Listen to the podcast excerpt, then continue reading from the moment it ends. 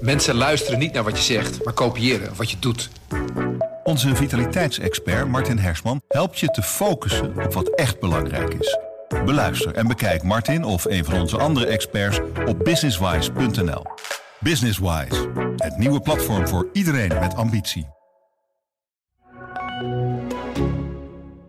Het is de week van de podcast bij het AD en de aangesloten regionale dagbladen. Voor ons complete podcastaanbod ga je naar ad.nl slash podcast of naar de site van jouw regionale dagblad slash podcast. Voor nu, veel plezier met deze podcast.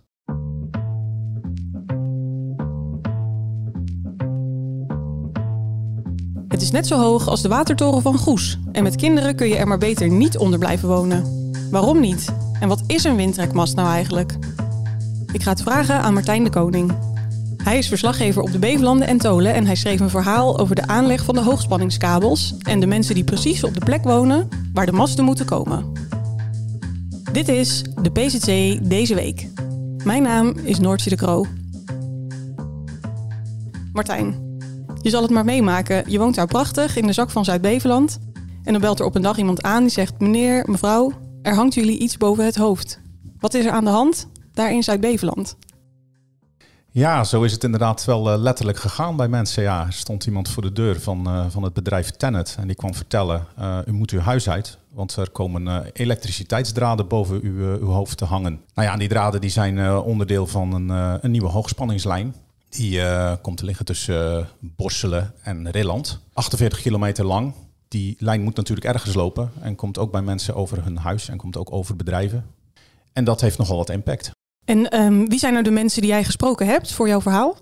Ja, ik, um, ik, ik, heb eigenlijk gewoon gefocust. Ik ben eigenlijk gewoon bij nul begonnen en heb gezegd: Nou, ik ga eens kijken of ik mensen kan vinden die hun huis uit moeten vanwege de komst van die masten. Als je in de buurt van de masten woont, uh, binnen in, in het magnetisch veld, komen we zo nog wel even op terug, dan heb je het recht om te vertrekken. Dan uh, kun jij bij Tennet uh, je laten uitkopen. Als je onder de geleiders, dus onder de draden komt te wonen, ja, dan kun je eigenlijk, ja, dan moet je eigenlijk weg. Want dan zijn er zoveel beperkingen om daar te blijven, dat, dat is eigenlijk niet woonbaar. Nou ja, en ik heb mensen um, die dus weg moesten of moeten, heb ik gevraagd, willen jullie meewerken? Ja, dat zijn natuurlijk de mensen die er in hun privéleven verreweg het meest van merken. En hoe kom je dan met die mensen in contact?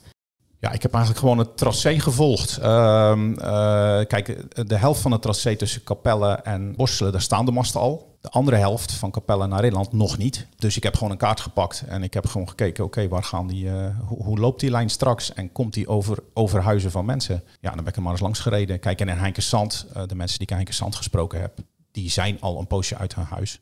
Die hebben al een nieuw huis gebouwd op 100 meter, ongeveer 100 meter verderop. Uh, dus ja, dat is natuurlijk een duidelijke situatie. En er zijn mensen bij Rilland die ik gesproken heb.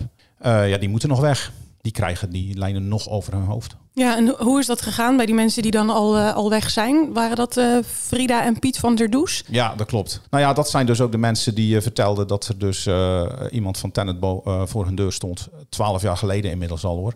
En die zei, er hangt jullie letterlijk iets boven het hoofd. Nou ja, op dat moment nog niet letterlijk, maar in de toekomst letterlijk boven het hoofd. Want die draden kwamen over ja. hun huis, over hun boerderij. En dat was voor die mensen heel heftig, hebben ze verteld. Want um, nou ja, het was het ouderlijk huis van, uh, van, van meneer Van der Does. Die is erop gegroeid. Ze hadden dat huis van hun moeder gekocht tien jaar ongeveer eerder. Het opgeknapt. Ja, daar waren ze eigenlijk nog mee bezig, stapje voor stapje. En dan heeft het natuurlijk, dan is het heel gek het idee dat je, dat je dat eigenlijk voor je bepaald wordt dat je daar weg moet. Dat doet natuurlijk heel veel met je. Dat, ja. is, dat is wel logisch. Het doet emotioneel wat met je, kan ik me voorstellen. Dat, dat vertelden ze ook wel. Maar je beseft natuurlijk op dat moment ook dat je de komende jaren enorm in de, in de, in de zorgen komt te zitten. Want ja, uh, je hebt er niet om gevraagd om ergens anders te moeten gaan wonen, maar het moet wel. Ja, en zeker als je dan net je huis helemaal hebt opgeknapt. Ja. Ik begreep dat net het huis van uh, Frida en Piet wilde kopen en daarna wilde verhuren aan andere mensen. Ja, dat was aanvankelijk de bedoeling. Tennet doet dat met, in principe met alle huizen die het uh, opkoopt. Opnieuw verhuren of verkopen. Frida is daar uh, verschrikkelijk boos over geworden. Hij heeft gezegd, ja joh, um, als je ons eruit, eigenlijk eruit stuurt... en wij gaan een stukje verderop wonen... en ik moet daarna zien dat er weer andere mensen in datzelfde huis uh, wonen... in ons huis wonen, dat trek ik niet. Daar heeft ze enorm tegen geprotesteerd, heeft ze verteld. Heel boos geweest. Ja, later heeft Tennet gezegd, we doen het maar niet. Overigens heeft Tennet sowieso uh, het beleid wel aangepast. Huizen onder de kabels worden nu gesloopt. Sowieso. Ja, want ik begreep dat ook al niet. Waarom zouden ze eerst die mensen uit dat huis willen hebben en er dan andere mensen laten wonen? Ja, dan, je, je, je, kan het, je kan het kopen, dat huis, als je, er toch, eh, als je dat nut toch inziet. Het huis wordt minder waard, maar goed, jij betaalt er ook minder voor. En je kan het natuurlijk verhuren aan mensen die er niet zo mee zitten om onder die, eh, die kabels te wonen. Of tijdelijk. Ehm, ik zeg zomaar wat, hè. je kan er bijvoorbeeld seizoensarbeiders in zetten. Ja, ja. Die protesteren toch Ja. niet? Blijft toch raar, hè? Ja, is ook raar. En daar komt voor deze mensen bij, allebei de mensen die ik gesproken heb, hè, allebei de gezinnen, hebben een landbouwbedrijf. En die vertelden ook, met name die mensen uit Rilland, hè, de familie Kloet, vertelde mij ook van, nou ja, wij hebben het idee dat het voor particulieren wel goed geregeld is. Die krijgen een vergoeding en je kan verhuizen ergens anders heen. Dat is natuurlijk nog niet altijd even leuk, maar eh, je laat niet per se ballast achter. Deze mensen wonen op een boerderij en hun boerderij wordt niet uitgekocht. Het bedrijf wordt niet uitgekocht. Wel, eh, wel eh, hun huis. Dus hun bedrijf blijft staan waar het staat. Maar zij moeten daar wel weg. Ehm, zij mogen daar niet langer wonen. En dat is natuurlijk wel heel heftig. En waarom mogen ze er dan wel werken, maar niet wonen? Ja, dat heeft te maken met, het, ehm, met de sterkte van het magnetisch veld. Het magnetisch veld dat is de straling zeg maar, die van de draden afkomt. Daar, ehm, daar is van bepaald dat je ehm, daar eigenlijk maar niet onder moet gaan wonen. Zeker niet met kinderen. En nou ja, goed, of je nou kinderen hebt of niet. je moet een, een, een huis wordt natuurlijk wel heel veel minder waard sowieso al als je er niet met kinderen zou kunnen wonen. Maar je mag er wel werken. Dus eh, het idee is dan, nou ja, mensen die eronder wonen, die kopen we uit. Maar mensen die eronder werken, dat is geen probleem. Eh, en dat betekent dus in de praktijk dat jou, als jij daar eh, boer bent, dat je wel weg moet eh, met je huis, maar niet met je bedrijf. Betekent ook dat het voor deze mensen natuurlijk geen optie was, of eigenlijk liever ja, bijna niet te doen was, om maar te zeggen, nou dan gaan we wel twee kilometer verderop wonen, wat voor een particulier natuurlijk wel kan. Maar ja, dan wonen ze twee kilometer van hun bedrijf en boeren wonen op hun bedrijf. Ja, En dus dat is wel een hele gekke, gekke situatie natuurlijk. En heel, dat maakt het he- extra ingewikkeld en extra zuur ook wel, denk ik. ja. Want ik las ook in jouw verhaal dat een van de bewoners die je hebt gesproken letterlijk zei: Wij zijn er zelf niet heel bang van, maar ze raden toch aan om kinderen er niet onder te laten wonen. Dus ja, zo'n magneetveld, eh, dat heeft toch veel impact. Is dat dan eigenlijk meer of minder dan bij een ouderwetse mast? Het is wat minder. Het magnetisch veld is sowieso minder breed. Dus je kan dichter bij de masten eh, wonen dan bij een ouderwetse vakwerkmast. Maar ja, eronder is natuurlijk onder de draden, blijft onder de draden. Ze hangen daar. En ja, dat is toch geen optie. Er is niet bewezen, wetenschappelijk bewezen, dat de draden ongezond zijn. Maar ehm, ja, daar wordt nou eenmaal geadviseerd om er geen kinderen langdurig aan bloot te stellen. En dat is de reden dat, dat je er eigenlijk beter niet onder woont. En dat er bijvoorbeeld, er mogen wel bedrijven onder staan, maar geen scholen en kinderopvang. Dat is ook gewoon nog wettelijk bepaald. Want dan zitten die kinderen te lang onder die draden. Ja, dat betekent dus, ja, nogmaals in de praktijk dat je er niet kan wonen. Nee, maar ik blijf het toch echt heel bijzonder vinden dat het niet bewezen is, maar dat er toch wordt afgeraden om met kinderen daar te gaan wonen. Ja, het ministerie noemt dat voorzorgbeleid. Dus het is niet bewezen, maar ehm, uit voorzorg wordt het toch maar op deze manier gedaan. Ja. Overigens zijn de regels in Nederland daar ook super eh, streng of voorzichtig, zoals je het noemen wil, in. Het zijn Europese regels en die zijn, eh, de Nederlandse regels zijn 250 keer eh, voorzichtiger, strenger, als je het hebt over de straling. Dus ja, je, je ziet daaraan dat er geen enkel risico genomen wordt. En zou, weet jij wat de gezondheidsrisico's zijn? Ik heb ook wel eens gehoord iets dat er dementie, dat dat zou kunnen worden veroorzaakt. Ja, omdat er dus geen wetenschappelijk bewijs is, is dat dus ook niet duidelijk. Bij kinderen zou het eh, ziektes kunnen veroorzaken. Er zijn ook mensen die zeggen, ja, ik heb er gewoon last van. Ik, Ja. ik merk het aan van alles. En, en die komen bij de dokter en de dokter zegt, ja, het- we kunnen niks vinden. Ja, dat is ongrijpbaar natuurlijk. Zit dat in je hoofd? eh, Zit Ja. het wel in je lijf? Dat, eh, ja, dat is een lastige discussie. Wetenschappelijk gezien is er nooit wat bewezen. Zou je zelf onder zo'n mast gaan wonen? Nou, nee. Het, het, het, het kan niet. Ik eh, zou niet zozeer heel bang zijn ervoor. En er zijn genoeg mensen die er heel dicht in de buurt wonen. En eh, die daar ongetwijfeld aan, aan wennen. Maar als, eh, als, ze zo'n, als ze die draden boven je huis leggen. Ik heb dat nu wel gezien. Dan moet je weg. Dan is er geen optie meer. Ik begreep dat er huizen vlak bij de lijn die te koop staan, dat die heel snel werden verkocht. Ja, Tennet heeft eh, ehm, volgens mij tien huizen aangekocht. Nou ja, wat ik al zei, die direct onder de draden, dat zijn de drie of vier, die, eh, die gaan weg. Dan hou je er nog een handvol over, die in de buurt van de draden staan. Niet recht eronder, maar in de buurt. En Ja. die eh, verkoopt Tennet wel weer. En ja, dat klopt, die zijn wel verkocht. Ja, Maar er is wel een nuance, die ligt dus niet onder de draden. De draden gaan er vlak langs. Maar inderdaad, er zijn toch mensen die er niet bang voor zijn. ja. We hebben vaker over de aanleg van die masten geschreven. Ehm, zeker als de mensen last hebben van de, van de lijn. En die verhalen worden doorgaans heel goed gelezen. Hoe zou dat komen? Ja, het is letterlijk een zichtbaar onderwerp. Hè? Uh, je ziet die masten, uh, je ziet er steeds meer komen. En ik denk dat wij er ook wel in slagen om het onderwerp van verschillende kanten te belichten. Daardoor blijft het uh, hopelijk interessant. Hè? We schrijven gewoon heel feitelijk over hoe ver ze nu zijn met de aanleg. Proberen toch ook de mensen aandacht te geven die, ehm, die er problemen mee hebben. Er zijn verschillende rechtszaken gevoerd tegen de komst van de masten. Die hebben, daar hebben we verslag van gedaan. Ja, ik denk dat dit een, een onderwerp is dat ja, wat ik zei, mensen zien, echt een zichtbaar onderwerp. En je probeert dus steeds een nieuwe invalshoek te bedenken eigenlijk.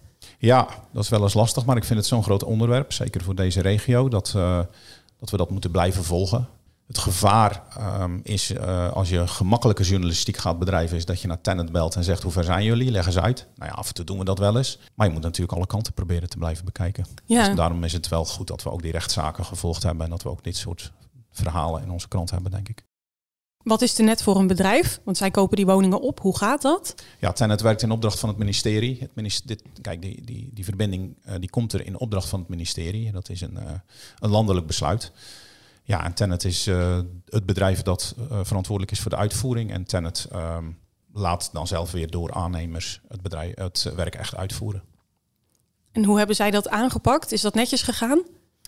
Daar zijn de meningen verdeeld over. Uh, kijk, ze hebben natuurlijk te maken gehad met enorm veel uh, landeigenaren. we hebben het hier over 48 kilometer, 109 locaties waar palen komen. En al die locaties zijn van iemand. En in heel veel gevallen van een particulier, niet van de overheid. En dan moet, dan moet Tenet om de tafel met die mensen. En het is natuurlijk wel zo dat wij als journalisten en als krant horen we vooral de gevallen waar het niet zo goed gaat. Het is in heel veel gevallen ook wel goed gegaan. Dan gaat Tenet rond de tafel zitten met een uh, grondeigenaar en praten over, ja, wij moeten die masten bij u zetten op uw land. Uh, daar hebben wij een vergoeding voor over. En dan komen die mensen eruit. Komen ze er niet uit, ja, dan, dan wordt het vaak een rechtszaak. Dan komt er boosheid. Ja, dat is ook veel gebeurd. Wel, toch wel opvallend vaak. Dus het is zeker niet altijd goed gegaan. Veel grondeigenaren klagen wel over de handelswijze van Tennet. Maar er zijn ook genoeg mensen die zeggen, ja, het is bij ons prima gegaan. Je ziet het ook in dit verhaal trouwens. Hè. Je ziet dat uh, het echtpaar van de douche ondanks het feit dat ze natuurlijk aanvankelijk helemaal niet blij waren en nog steeds niet per se blij waren zijn dat ze uit hun huis moeten, dat ze wel tevreden zijn over hoe Tenet het gedaan heeft. Familie Kloet in Rilland denkt daar wel wat anders over. Die zeggen ja, uh, dat, dat gaat niet zoals het moet gaan. En zij zitten nog midden in het ja. proces, hè? Ja, dat scheelt natuurlijk ook. Ze zijn er gewoon nog niet uit met Tenet. Nee. Ze, uh, ja, ze zijn nog steeds in onderhandeling. En ik las in jouw verhaal dat Tenet het algemeen belang aan hun kant heeft. Wat bedoel je daar precies mee? Er zijn verschillende rechtszaken gevoerd tegen Tennet. Aanvankelijk tegen de komst van de, van de lijn en later meer door eh, individuele landeigenaren tegen het feit dat er uitgerekend op hun grond uh, een paal kwam of de manier waarop of wanneer. Uh, en elke keer wint Tennet die rechtszaken en elke keer zegt de rechter wat Tennet doet is in het algemeen belang. Dus je ziet daar dat algemeen belang een juridische term is voor die masten moeten er komen, want we hebben die elektriciteitslijn nodig in het algemeen belang praktisch gezien kun je dat natuurlijk vertalen in we hebben allemaal stroom nodig en we willen allemaal stroom. En we willen onze stroom ook kwijt als we zonnepanelen hebben of als er windmolens gebouwd worden. Ja, en dan moet er een, een, nieuwe, een nieuwe lijn komen. Ja. En vandaar het algemeen belang. Je schrijft dat er in Brabant komen er ouderwetse vakwerkmasten bij. En in Zeeland komen er windtrekmasten. Waarom is dat niet overal hetzelfde? Ja, dat wordt wel gek gevonden hoor. Um, het gaat om dezelfde lijn die eigenlijk doorgetrokken wordt van Borselen via Rilland door naar Tilburg. En de, de Zeeuwse besluit is eerst genomen en later is het besluit in Brabant genomen. En tot verbazing van veel mensen in Zeeland is er daar geko gekozen voor vakwerkmasten. Wel een modernere versie van uh, de vakwerkmast, maar wel vakwerkmasten. Ja, gemeenten wilden dat gewoon graag in, in Brabant. En dat is wel opvallend, vind ik. Want um, ik heb wel gemerkt in de gesprekken die ik gehad heb met mensen, dat de gemeenten in Zeeland zich maar heel weinig uh, bemoeid hebben met de komst van de masten. Ook niet de gemeentebesturen van de gemeente waar die masten doorheen komen. Hè. Uh, oh nee? Rijmerswaal, Capelle, uh, Borselen. Helemaal niet? Ja, heel weinig. Mensen, de gemeenten zien het toch als een voldongen feit. Als het ministerie komt vertellen dit moet gebeuren, dan denken ze, nou ja, hier kunnen we niks aan doen. In de praktijk is dat ook wel zo. Maar je zou natuurlijk wel uh, kunnen overwegen om de mensen die daardoor in de problemen komen, mensen uit jouw gemeente, inwoners van jouw gemeente, om die wat actiever bij te staan. Ja. Volgens mij is dat niet erg gebeurd. Er is één raadslid in de gemeente Rijmerswaal die zich er nogal druk om maakt. Dat is de enige die, die, die ik ontmoet heb die eigenlijk namens een gemeentebestuur eh, zegt... nou ja, laten we eens eh, kijken of we toch in elk geval wat voor jullie kunnen doen.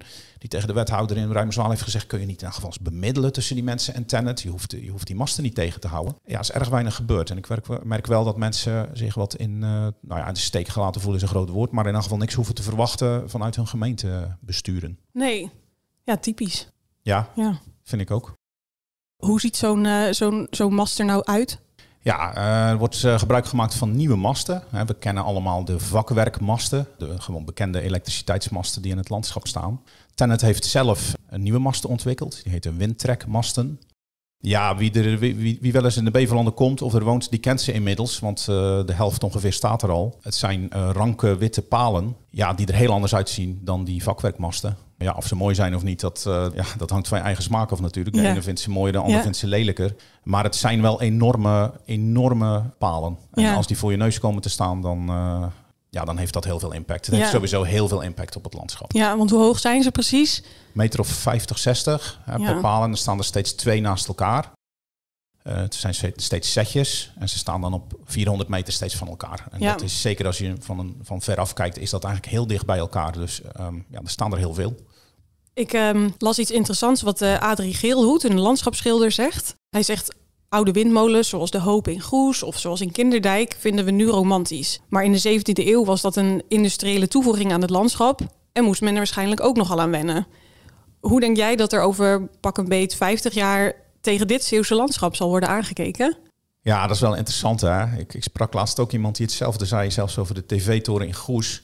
Die zei, ja, toen die gebouwd werd was er heel veel protest. En als je hem nu zou afbreken, zou er net zoveel protest zijn.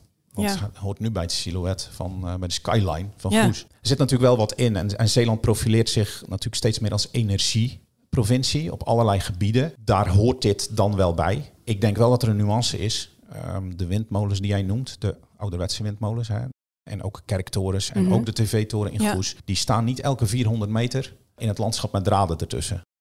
Eh, je hebt dus één of hoogstens twee molens per dorp. Eh, die masten zijn wel heel erg aanwezig. Dus die, die hebben wel veel meer impact dan één of twee molens. Tegelijkertijd denk ik dat het ook wel gewoon weer wennen zal zijn. En uiteindelijk hoort het bij het landschap. En of je het dan mooi vindt of niet, maar je, zult ze natuurlijk steeds minder echt bewust zien. En nu zie je ze nog omdat ze zo nieuw zijn. Ja, precies. Ja. Dit was de BZC deze week. Lees het verhaal van Martijn in de krant van zaterdag 12 februari of klik op de link hieronder. Wij zijn er volgende week weer met een nieuwe aflevering. Tot dan!